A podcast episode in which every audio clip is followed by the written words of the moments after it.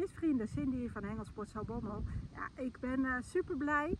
Vandaag mijn zesde podcast en eindelijk met een vrouw. Yay! Ik zit met de enige echte Franka Gorter. En ik mag wel zeggen dat eh, Franka een hele goede karpenvisser is. Ze heeft ook in het Nederlands elftal eh, team bij de dames gezeten. En ik denk dat jij menig man eruit hebt gevist als ik de foto's zie, hè, die dikke vissen. En eh, nou, welkom in de podcast. Ja, heel leuk. Ik vind het heel leuk om te doen. Dus Ja. ik, eh, ja, ik ben benieuwd. We gaan een leuk gesprekje hebben. Ja, nou ja, daar, daar gaan we vanuit. We zitten buiten en het is een beetje winderig vandaag. We zitten ergens in Brabant aan het viswater. Aan de overkant staat het tentje van eh, Franka en Dave. Dus ja, mocht je wat wind horen, dan weet je dat we gewoon lekker aan de waterkant zitten. Hey, maar dit water heb jij al vaker gevist, hè? had ik begrepen. Ja, Het, is een, eh, het is een privéwater. Het is echt een heel groot water. Eh, het is een zandafgraving en hij is nog steeds actief. Ehm, we hebben hier echt heel veel gevist. Ik denk, eh, zeker in de coronaperiode hebben we hier echt al eh, 50, 60 weekenden gezeten. Ehm, en ehm, ja, het is gewoon een heel mooi water. We hebben er zelf ook wel vissen op gezet. Dus er zitten ook echt hele mooie beschupte visspiegels op. Er zit ook nog het oude bestand zit er ook nog op. Maar ja, dit is wel ja, een heel fijn water om te vissen. Je zit hier vaak altijd rustig en eh, ja, dat is gewoon eh, helemaal top. Ja, ik hoorde van eh, Dave net in de auto, die had mij gehaald, want we moesten een stukje terrein over. Dat hij de vis met de witte staart, hè? Ja, dat, is een magische hem, vis hier. Ja, ja, ja. En eh, jij hebt hem al een paar keer in je netje gehad, hoorde ik. Ja, Dave heeft hem al twee keer mogen scheppen voor mij. Ik, Ja. ik heb hem al twee keer gevangen. En eh, Dave die blijft er achteraan jagen totdat hij hem eh, zelf heeft. Dus eh, we zijn voorlopig nog niet klaar, denk Nee, ik. ja, of misschien eh, dat het vandaag gaat gebeuren. Dat Je weet het niet. nooit, je weet het nooit. Nee. Hey, maar ehm, ehm, eh, jij zal waarschijnlijk wel je watertjes hier en daar hebben hè, waar je Ja. gaat vissen. Maar stel je voor dat je nou een nieuw water hebt gespot en daar ga je dus vissen. Ehm, waar ga je dan op wachten en of, wat kan je dan verwachten als je daar gaat vissen? Nou, wat ik meestal doe als ik op een nieuw water ga vissen, dan zoek ik in eerste instantie informatie op eh, online. Om te kijken of dat ik daar informatie uit kan halen. Ik eh, ja, spreek ook mijn contacten vaak aan om te kijken of dat hun wat weten. Want ja, er zijn toch een hoop uh, karpenvissers die overal en ergens vissen. Dus dan is het fijn om die informatie van hun te kunnen krijgen. Als ik zelf aankom op een water, dan ga ik, ik vis niet met voerboot. Maar ik vis of werpend of met, met de gewone boot. Dus het liefst ga ik er met de gewone boot eh, op om eh, de bodem te bekijken en te bekijken wat ik, eh, wat ik kan aantreffen. Ja, mag het niet, dan, dan gaat de markerengel erin en dan gaan we voelen met de marker of dat, ja, wat de bodem is, hoe diep het is en wat, ik kan, wat ik kan doen. Dus je doet echt nog wel heel ouderwets de bodem aftasten met je marker. Ja. Want dat gebeurt niet heel veel meer. Hè? Tegenwoordig met die voerboot heb je natuurlijk alle technologie bij de hand. Voerboot is ideaal, het is echt top. Ik, ik- ja, ik, het is ideaal om daarmee te vissen, maar op sommige wateren mag het niet. Eh, en ik vind het toch ook wel iets hebben dat je gewoon oldschool, zoals het vroeger was, zo je vissen kunt vangen. Ja. Want ik, ja, ik persoonlijk vind het niks mooier als ik hem in heb geworpen en ik vang daar mijn vis op. Dat is gewoon een extra voldoening.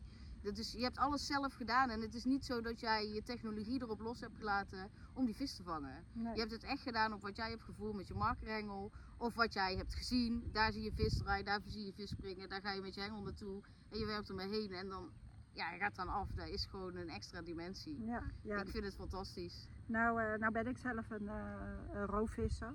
En ik weet inderdaad, in die diepe kuilen liggen de snoekbazen. Hè? Dat ligt vaak opgestapeld. Maar hoe werkt dat nou met een karper? Ja, je hebt eh eh, karpers die gaan natuurlijk heel veel over de bodem zoeken. eh, wa- waardoor ze met zijn bek ook kuilen maken en ze rollen daar ook in. Dus je weet als je een, een, taluut voelt met je, met je marker of met, met de boot het ziet. Want met de boot ja, hebben we een dieptemeter erop zitten. En een redelijk goede dieptemeter. Dus dan kunnen we gewoon zien wat er op de bodem ligt. Je kunt ook zien of dat er bomen liggen, ja of nee. Je kunt ook zien of er inderdaad die kuil is of de vaarroute. Want soms tussen waterplanten zie je ook dat er gewoon een hele geul is gekomen doordat ze daar doorheen zwemmen. En dan zwemmen ze niet vaak één keer doorheen, maar dan zwemmen ze vaak doorheen. Dus dan weet je van, oh, daar trekken ze langs, dus dan kun je daar gaan voeren. Oké, en is het dan ook zo dat zo'n karper een beetje dezelfde route cruist? Of eh, in hetzelfde gebied? Hoe moet ik dat zien? Het ligt eraan wat, ja, maar het ligt eraan op wat voor wateren. We zitten nu op een heel groot water. Eh, daar ben ik van mening, die meningen verschillen nogal. eh, dat ze niet, in dit geval niet het hele water be- be- ja, bez- bezwemmen, zeg maar. Want eh, ik heb hier dan die met die witte staart bijvoorbeeld, die heb ik twee keer gevangen en die heb ik twee keer op dezelfde plek gevangen. Oké, Dus hier heb ik wel het idee dat ze toch redelijk honkvast zijn. ja. Maar ja, op een kanaal kunnen ze ook honkvast zijn, want ik heb afgelopen week een vis gevangen en Dave die vangt hem afgelopen weekend op dezelfde plek als waar ik hem vorig weekend heb gevangen. Ja, daar kunnen ze honkvast zijn, maar ik heb ook verhalen gehoord van kanalen dat de vis op een bepaald punt is gevangen en daarna 180 kilometer verderop is gevangen. Dus ja, daar kunnen ze ook, ze kunnen de sluis door, ze kunnen een heel eind gaan zwemmen. Maar op de kleinere putjes zie je wel vaak dat ze wel vaste zwemroutes hebben. Want dat putje is dan zo klein dat ze toch bepaalde routes gaan zwemmen. En dat zie je vaak ook aan je aanbeten. Want als je een kleinere put hebt, ja, vaak zie je dat de ene hengel gaat. En dan weet je wel, de volgende die gaat. Als je het aan het lopen hebt, ja, dan weet je gewoon dat je een bepaalde route met je hengels gaat krijgen. Oké, nou, nou ben ik een ei met karpen vissen, hè. maar eh, ik hoor soms wel eens van klanten in de winkel, ja, want die ene vis, daar ga ik nog op eh, vissen. Maar hoe weet je nou dat die vis daar zit? Ja, de- ja op, op een gesloten put is makkelijk, want je weet dat hij er zit. Hij zit ergens, zit hij op dat water. Waar die zit, ja, daar moet je dan eruit puzzelen. Op kanaal is het een stuk lastiger. Want je kunt hem op bepaald stuk vangen en daarna kan hij op een heel ander stuk Ja. zitten. Ja. Dat is dan ook weer een beetje, denk ik, op de informatie op kanalen die je afgaat van anderen. Eh, als je een campingskanaal hebt, heb je wel veel vissen die echt al vast zijn en die echt op bepaalde stukken sluis blijven zitten. Maar ja, op het Wilhelmina-kanaal zwemmen ze ook door de hele sluizen heen. Op de Zuid-Wildvaart zwemmen ze ook door de sluizen heen.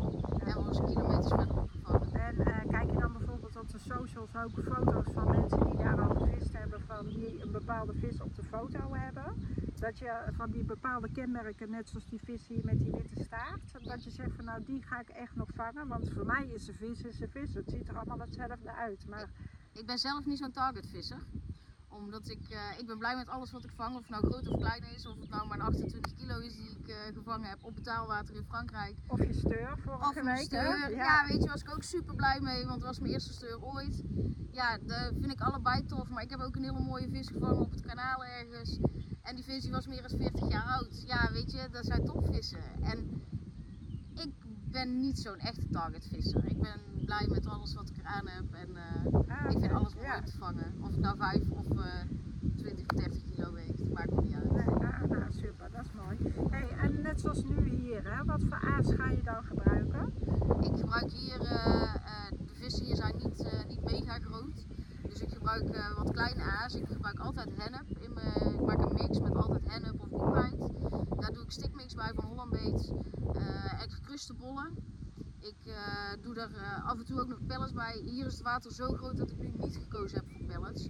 Alleen voor de eh stickmix van Holland Baits, gekruste bollen, hennep en boekwijd. Nu in dit geval allebei. Eh, en daarbij heb ik nu ook bollen gevoerd. Eh, dit water voer ik meer kleine bollen, omdat de vissen wat kleiner zijn. Dus ik kan wel hele grote bollen gaan voeren. Die zouden ze wel kunnen eten, maar dan hebben ze toch minder de neiging, denk ik, om het te pakken. Dus ik voer hier wat kleiner. Ah, oké. En eh, ga, eh, gooi je dan 10 kilo in het water of 5 kilo? Want af en toe hoor ik van die wilde verhalen in de winkel dat ik denk van, nou ja, ik weet niet, eh, het is een lopend buffet of zo. Ja. All you can eat. Ja, nee, ik, ik ben een, eh, iemand die eh, beperkt voert.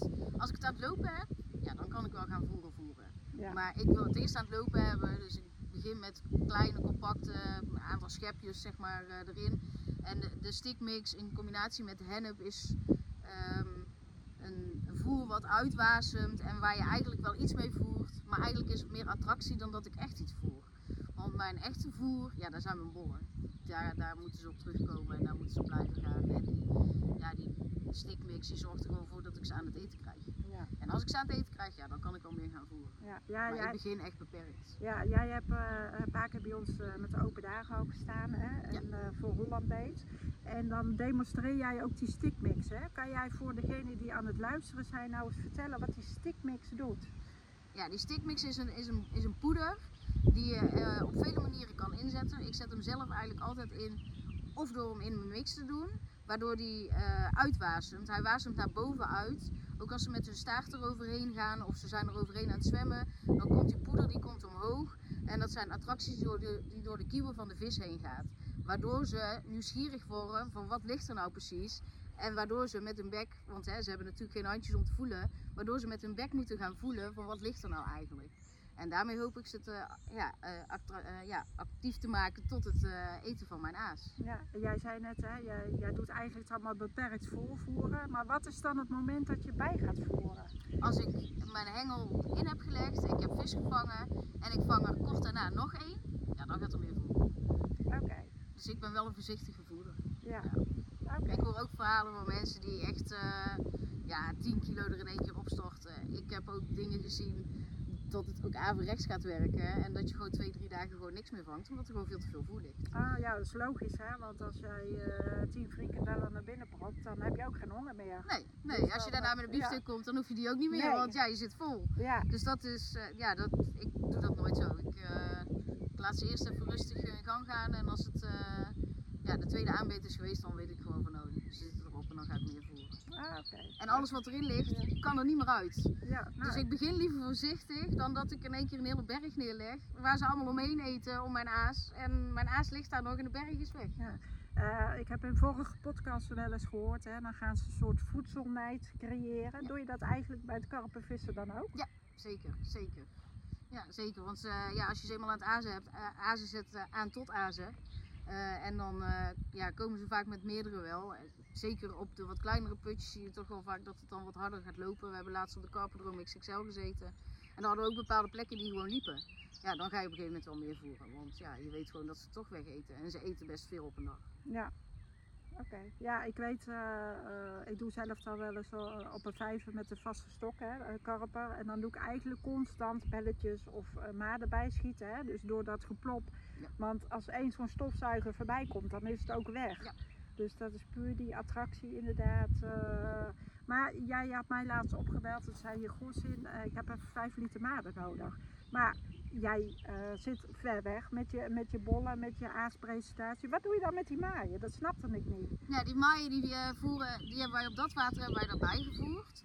Eh, omdat maaien, die kunnen net een bepaalde attractie geven die net anders is. Ze, ze dwarrelen een beetje door het water. Vaak als ze er net in liggen bewegen ze ook nog een beetje. En dat kan ze nieuwsgierig maken. Ik heb op wateren gezeten waar ik met een madenrig eh, echt goed vis heb gevangen. En waar ik op andere eh, presentaties gewoon geen aanbeet kreeg. Dan voerde ik wel bij met de stickmix en dergelijke. Maar ja, als het niet liep, dan heb ik toch dat andere geprobeerd en dat liep toen wel. Ja. Dus soms dan ligt het ook, het ligt echt aan de periode waarin je vist. Want eh, de koudere periodes is heel anders dan in de zomerperiode. In de koude periode eten ze ook bijna niks. Dus ja, je kan dan heel veel gaan voeren en heel veel doen, maar dat schiet gewoon niet op. Want ja, ze zijn eigenlijk in ruststand. Ja, ja. En in de zomer, ja, zeker tegen de paai aan, voor de paai, ja, dan moeten ze gewoon eten. Want ze hebben die voedingsstoffen hebben ze gewoon nodig om, eh, om goed af te kunnen ja, paaien. ja. En wanneer eh, is de paaiperiode van de, van de karper? Weet jij dat zo? Ligt een beetje aan de temperatuur. Want de temperatuur van het water moet hoog genoeg zijn om te willen kunnen paaien. Ah. Eh, dus ja, hier op deze grote put zullen ze veel later paaien als op een heel klein ondiep putje. Het is hier, eh, het is hier heel diep. Ja, dan duurt het gewoon een stuk langer voordat ze echt de goede paaien Oké, dus eh, per, per water verschilt dat dan eigenlijk? Per water verschilt het en ja, ook per jaar. Want je ziet nu dat het, de winterperiode schuift steeds verder op. Waardoor eh, ja, ook de paai op gaat schuiven. En we zitten heel veel met temperatuurschommelingen. Dus water krijgen weer een klap waardoor ze toch niet in de paai gaan. En waardoor ze weer een tijdje wachten, is de watertemperatuur dan wel weer hoog genoeg. Dan heb je kans dat ze de paai zien. Ja, dat is logisch, want we hebben natuurlijk ook nog wel vorige maand eh, wat nachtvorsten gehad. Dus, Ja, dat is, voor de vissen is dat niet goed. Nee. Dat, zijn, dat zijn klappen die ze krijgen, dan, eh, dan, ja, dan wordt de paai gewoon even uitgesteld. Hey, en als jij nou eh, eh, naar een zou gaan, hè, eh, hoe lang is jouw tijd van jouw voorbereiding dan? Eh, het ligt eraan. Soms dan wil ik ook wel eens blanco naar een water gaan. Ja? Gewoon daar kijken wat ik aantref en wat ik, eh, wat ik kan doen. Dat hebben wij heel vaak gedaan toen wij naar... We zijn de hele tijd bijna elk weekend naar Frankrijk gereden. En daar hebben we gewoon water bekeken en dan zijn we gewoon gaan vissen. Als je met de gewone boot mocht, dan gingen we met de gewone boot erop om, om het water te bekijken. Eh, kanalen, ja, daar durf ik wel gewoon instant te gaan zitten. En eh, ja, dan doe ik eigenlijk geen vooronderzoek. Als ik weet, ik ga naar een betaalwater of ik weet, ik ga een week openbaar zitten, dan ga ik echt wel onderzoek doen. Want dan ga ik mijn water wel bekijken. En wat kan ik erover vinden, want dat is het vaak. Tegenwoordig laten karpenvissers niet heel veel meer los. Want ja, de stekkerpezels die, eh, die liggen om de hoek. Dus ehm, ja, ik bekijk het dan gewoon ter plekke. En als ik eh, weet van ik ga naar dat water toe, ja, dan ga ik wel onderzoek doen. Dan eh, ja, zoek ik internet af, dan uh, ja, schrijf ik mijn contacten aan om te kijken of dat hun wat informatie kunnen vertellen aan mij. En gebruik jij dan eigenlijk qua bollen en zo altijd dezelfde smaken? Of pas je dat dan ook nog een beetje aan op het water waar dat je gaat zitten? Ja, ik, wij beginnen meestal met, met twee smaken. Ik begin eigenlijk altijd met de Oriental Grill en met de Island Project omdat het een uh, kruidige bol is ten opzichte van de zoete bol. Ehm, ik maak daar wel een mix mee. Ik voer ook beide bollen wel aan. Uh, en als wij merken, kijk, ik vis met drie hengels, als het mag. België mag wel met twee hengels. Uh, dan probeer ik op elke hengel iets anders. En dan ga ik kijken wat werkt. En werkt het zoete, dan ga ik over op het zoete, maar dan heb ik wel allemaal bollen een beetje bijgevoerd. Uh, mijn mix maak ik dus wel anders. Ik heb één zoete mix en ik heb één kruidige mix. En dan per hengel ga ik kijken wat, wat werkt. We hebben op de Ganzenkuil gezeten, betaalwater in Nederland. Daar uh, ja, begon ik met de Robby Red Garlic. En uh, mijn vriend begon met, met ehm, Oriental Grill. En de overburen van ons waren teamgenoten. Die voerden alles aan met Instant Project. En wij zijn toen overgeschakeld op het Instant Project, omdat uh, dat water schijnbaar een heel zoet water is. Daar, daar, hebben we bijna eigenlijk alles gevangen op de zoete, zoete producten van, van Hollandaise. En de mango was daar toch ook wel echt een topper. Dus zo voeren wij wel met twee verschillende smaken, zodat we altijd over kunnen schakelen op een andere smaak. Want ja, sommige wateren zijn gewoon meer kruidige wateren en andere zijn toch meer zoetere wateren. Okay. En dan ook kan het nog verschillen in welke periode. Dus dan heb je eigenlijk, eh, als je met twee hengels vist, dus dan je ene hengel heb je op de bodem een zoete presentatie liggen en op de andere een pittige presentatie. Dus je gaat het niet mixen. Ik mix mijn bollen wel, maar mijn, uh, mijn voertje met de hennep en met de stickmix en zo, die, uh, die mix ik niet omdat ik daarmee wil kijken wat gaat, uh, hè, wat gaat ze aanzetten tot eten. Hè? En kiezen ze voor mijn kruidige presentatie of kiezen ze toch voor mijn zoete presentatie. En met de bollen die voer ik wel altijd een beetje bij. Want ja, dat, het aantal bollen wat ik voer is zo beperkt in het begin. Dat ik dat wel aandurf om beide. En als je dan over moet schakelen, dan ligt er toch al een beetje van, het andere, ja, van de andere smaak. Ja, hebben ze er al een beetje van gesnoept ook. Ja, dat zeker. Oké, en nou heb ik nog één hele belangrijke vraag. En dat is de meest gestelde vraag die ik in de winkel altijd terugkrijg. Dus ik hoop dat we er nu een duidelijk antwoord op krijgen. Uh, ja, vis met een ronnierig of een onderlijntje. Hè? Dus je haak-aas-presentatie. Moet dat dan een totaal andere smaak zijn of een andere kleur als wat je op de bodem presenteert? Ik vis zelf eigenlijk altijd met de manta van, uh, van Catran. Uh, dat is een uh, semi-soepele onderlijn, gecoat. Die strip ik het laatste stukje bij mijn, bij mijn, bij mijn haak. Zodat hij nog wat meer bewegingsruimte heeft. Ik zet daar een loodje op. Ja. Zodat hij op de bodem blijft liggen, maar dat mijn haakaas wel een beetje dwarrelt in ja, op de bodem, maar dan net boven. Okay, Zodat dat... ze toch nieuwsgierig worden om mijn haakaas ja, En dan het, het haakaas, hè? Dus wat, doe je daar dan een totaal verschillende smaak op prikken? Of, uh... ja. ja, bij de ene gaat er dan iets kruidigs op. Ik ben echt een uh, ontzettende fan van de chili wafter. Dat is echt ja, een killer gewoon voor mij. Uh, en op de andere doe ik iets, iets zoets, want de chili wafter is natuurlijk echt een hele kruidige pittige En op die andere kies ik dan voor iets zoets. Dan uh, ja, vaak de pineapple wafter, die vind ik ook fantastisch. Die waarschuwt ook uit. Die geeft net een extra attractie in het water. Dus die, ja, die geeft iets van een groene gloed komt er omhoog. Ja. Wat ze weer nieuwsgierig kan maken tot het pakken van mijn aas. Oké, en dus, dus als je met één voelplekje zoet hebt, doe je ook een zoet uh, op je en pittig en pittig. Ja, Want soms krijg ik wel eens de vraag inderdaad, dan gooi ik zoet erin en dan ga ik een pittige uh, haakaaspresentatie doen. Kan ook, kan ook. Er zijn zoveel tactieken en zoveel dingen die je kunt veranderen, maar dat is hoe ik begin. Wil het niet werken, dan kan ik ook overschakelen om inderdaad totaal iets anders te doen. Maar dat, eh, begin begin ik wel zo om te kijken wat werkt voor mij. Werkt het allebei niet? Ja, dan kan ik inderdaad nog kiezen voor op mijn zoete presentatie met een uh, hele kruidige uh, aaspresentatie te gaan vissen. Kan zeker. Ja. En hoe lang laat je het dan in het water liggen dat je besluit van nou heb ik nog geen piep gehoord of iets om dan uh, te gaan switchen van haakaas? Ja, als ik in een wedstrijd zit dan wil ik dat nogal snel doen omdat ik dan mijn vissen moet vangen.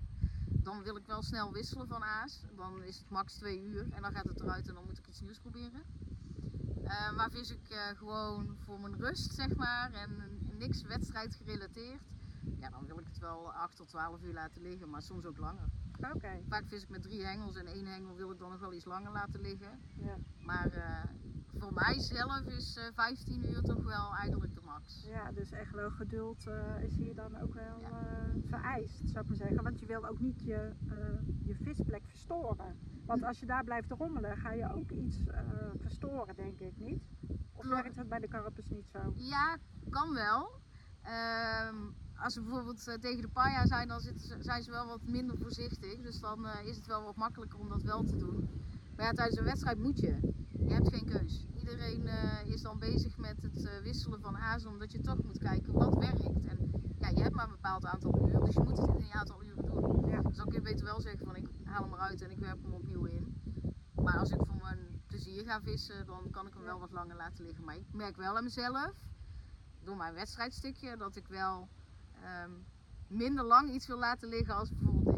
Ah, Dave die kan het langer laten liggen en sommige mensen waarmee ik heb gevist, die kunnen het ook heel lang laten liggen. Maar ik vind dat heel lastig. Ja. Omdat dan het psychologische spelletje in mijn hoofd gaat spelen. Ja. En wat moet ik anders? Ik moet vis vangen. Ik, er moet iets gebeuren ja, om, om, die actie te kunnen forceren. Ja. En dat kan op zoveel manieren. Daar zijn zoveel kastjes en dingetjes die, eh, die je open kunt trekken en eh toetsen en bellen. Die, ja, maar je begint, je begint wel altijd.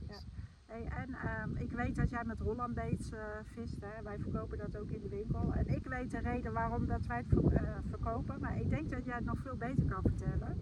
Want eh, ja, jij vist er eigenlijk al heel lang mee. Waarom Holland Baits? Ja, het heeft meerdere, meerdere redenen. Het aas is gewoon ontzettend goed. De samenstelling is ontzettend goed voor de vis. Die de vis ook.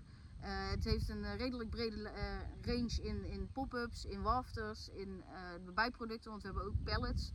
De stickmixen, die zijn ook gebaseerd op alle vijf de smaken. Wij kiezen bewust voor vijf smaken. om niet een breder assortiment te brengen als wat we nu hebben. Ehm, en onze pop-up ja, range is gewoon heel groot. Ehm, het feit dat het zo'n voedingsstofvolle bo- bol is voor de karper, ehm, ja, is een van mijn redenen waarom ik eh, eh, bij het team zit. En niet alleen dat, het team zelf is gewoon een fantastisch team. En ik denk als je in een team zit, dat jij ook met volle 100% je moet geven voor zo'n team en daar gewoon helemaal achter moet staan. Anders dan moet je niet in een team zitten en dan moet je dan ja, niet willen doen. Ja, ik, mijn hart ligt daar en ik, eh, ik zal ook nooit een overstap maken, want het is, Ja. ja, het is goud. En alle oppervlakte. Ja, en, maar eh, ik zeg al, ik weet niet heel veel over dat eh karpenvissen, maar eh, bijvoorbeeld van andere merken, hebben die dan ook zo'n visteam wat dan zo met elkaar allemaal vist? Of is dat alleen bij Holland Bait? Elk merk heeft denk ik tegenwoordig wel een team. Ja? Ehm, en je moet daar, ja, als je gevraagd wordt of wat dan ook, moet je jezelf er goed bij voelen om in een team te willen zitten. Ja. En ik denk elk bekend merk heeft wel een team, want ze hebben ook wel teams nodig natuurlijk om hun producten te promoten. En dat doe je door middel van een team te hebben. Ja, ik, eh, ik weet dan inderdaad vanuit onze demonstratiedagen hè, dat ik eh, van jullie wat mensen over de vloer heb gehad. Het komt bij mij over of dat jullie wel een eh, familie zijn. Ja. Dat gevoel, Ja, weet je wel? Ja, dat is zeker waar. Ja, Ja. Holland is echt een één familie en ja, we gunnen elkaar alles. Of jij nou een 5 kilo vis vangt of dat jij een 30 kilo vis vangt, dat maakt bij ons niet uit. Iedereen wordt in zijn waarde gelaten en we helpen elkaar daar waar nodig. We geven elkaar advies als het nodig is. En het is gewoon heel leuk om elkaars vangsten te zien en dat iedereen er zo mee bezig is en dat er zo goed wordt gevangen met het merk waar jij zelf dan voor staat. Ja. Welk merk dat dan ook is. Ja, en ik weet ook, eh, er zit ook voor de rest in de, in de bollen helemaal geen chemische troep. Hè. Je kan het dus ook gewoon Wij kunnen het zelf eten, ja, zeker, zeker. Je, eh, als je van bepaalde producten houdt, dan kun je het gewoon eten. Ja, ik, ik, ik krijg de klant eigenlijk altijd overtuigd als ik het potje opendraai en dan zeg ik ruik maar. Dit is het. En je, je ruikt dan bijvoorbeeld ook de aardbeien ook echt. Hè? En als je hem 24 uur later uit het water haalt, dan ruikt hij eigenlijk nog net zoals dat hij in het potje zit. Hè? Bij mij in de winkel. Ja, zeker, zeker. Dat is ook wel een van de dingen die, eh, die Holland Baits eh, graag wil. En ook onze eh, pop-ups zijn, ja, die worden gewoon opgelost uiteindelijk. Dus het is niet een hard plastic balletje wat bij sommige merken ja, wat ze, sommige merken verkopen. Het is bij ons echt, het is ook allemaal voedzaam voor de, voor de karper. Dus ze kunnen het gewoon opeten en eh, dat is geen probleem. Ja, oké, mooi. En wij zelf ook. Ja. hey, wat is jouw favoriete rig om mee te vissen? Ik vis eigenlijk altijd een combi-rig. En af en toe vis ik, vis ik ook met een blowback rig, maar mijn favoriete rig is toch wel de combi. En uh, wat is combi-rig? Dat is uh, verschillende aaspresentaties? Uh... Nee, heeft niks met een aaspresentatie okay. te maken. De combi-rig, ik maak hem altijd een centimeter of 10 tot 15 lang. Is dus van de gekoten online materiaal wat ik net zei, van, van de Manta. Um, ik heb daar een stukje wat stijf is. Ik vind gekoot onderlijn in mijn beleving net wat schuurbestendiger als ongekoot onderlijn materiaal. Want je hebt ook ongekoot onderlijn materiaal. Um, ja, ik ben dan zelf toch net iets banger als hij ergens tegenaan komt dat hij dan toch misschien doorgaat. Het zal niet gebeuren, maar ja, ik. Dat, dat, safe, dat, dat, ja, ja, dat is een beetje ook uh, uh, iedereen. Ja, dat is een persoonlijke voorkeur, zeg maar. De, ja, de ene vis krijgt daarmee en de andere vis krijgt met iets anders. Um, en dan heb ik het laatste stukje heb ik dus gestript. Dan haal ik daar mijn coating wel van af. Ik uh, plaats een stukje lood op het, het, het einde van wat ik gestript heb zodat het, uh, het laatste gedeelte toch nog soepel is en dat dat toch nog uh, kan bewegen. Uh, en daar heb ik dan een haak, haak aan van de haakmaat 4 um, met een, um, een her. En die her die, ja, die is afhankelijk van wat ik erop doe, hoe lang mijn her is. Want ja, mijn aas moet er wel op kunnen. Ja. En een te lange her, ik vis eigenlijk vrij agressief, dus ik zorg dat mijn haakaas eigenlijk redelijk dicht bij mijn haak is zodat als ze het oppakken, dat hij eigenlijk meteen moet hangen. Ja, dat is wel logisch, want als het bolletje wat verder weg zit, dan ja, kan hij hem nog uitspugen of dat... Of ze gaan ermee spelen. Ja, ja, ja dan, wordt, dan wordt het een spelletje. En ik speel liever het spelletje andersom dat ik ze vang. In plaats van dat hun denken van nou, laat ik even proeven. En ik uh, spuug hem inderdaad toch weer uit. Laat maar zitten. Okay. Gaan we door. Nou, dat is meteen weer een, een goede de, voor de luisteraars. Hè, voor de startende karpenvissers die nog niet zoveel ervaring hebben. Zorg dat je uh, haken aan dicht bij het bolletje zit. Ja, ja want ik, uh, ja, ik vind dat zelf gewoon prettig. Want hij moet hem opzuigen. En als je hem opzuigt, of het nou is om het op te eten of om het te proeven, hij moet gewoon hangen. En dat is ook de reden waarom ik dat loodje erbij zet. Hè, dat is ongeveer een anderhalve centimeter vanaf mijn haak. Zet ik een loodje, waardoor als je hem oppakt, dat dat loodje naar beneden zakt. En waardoor die dus nog extra inhaakt. Oké, okay, en is dat dan een uh, poetieloodje? Nee, of een, uh, nee, het is gewoon ja, knijploodje. Ja. ja, knijploodje inderdaad van het witvissen. Ja, daar gebruik ik van. Ja. Okay. ja, maar zo kun je toch ook zien, want ik, ik spreek ook met witvissers of mensen die uh, witvis hebben gedaan. Je kunt daar zoveel van leren, ook als karpervisser.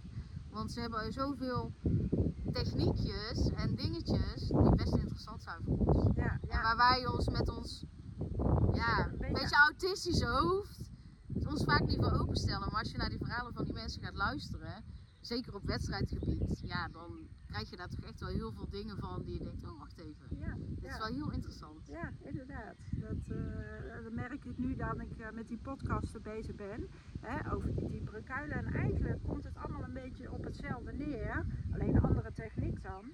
Dus het is wel leuk als je dat een beetje met elkaar kan verweven op je eigen manier. Uh, zeker, ja. zeker. Oké, okay. ja, je hebt het eigenlijk straks al gezegd, hè? je bent blij met iedere vis. Maar heb je dan toch nog stiekem één vis die je op je bucketlist hebt staan?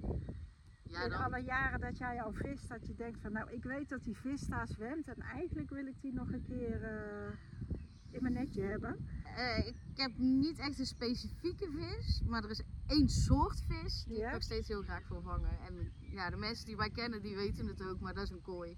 Oké. Ja, ik heb nog nooit een kooi gevangen en of die kooi dan straks 5 of 20 kilo is, maakt me helemaal niet uit. Ik denk de mensen die op het water gaan zitten waar ik een kooi ga vangen, die zullen weten dat ik een kooi heb Ja, gevangen. Want ja. hij is, ja, die staat zo hoog op een lijst. Dat is...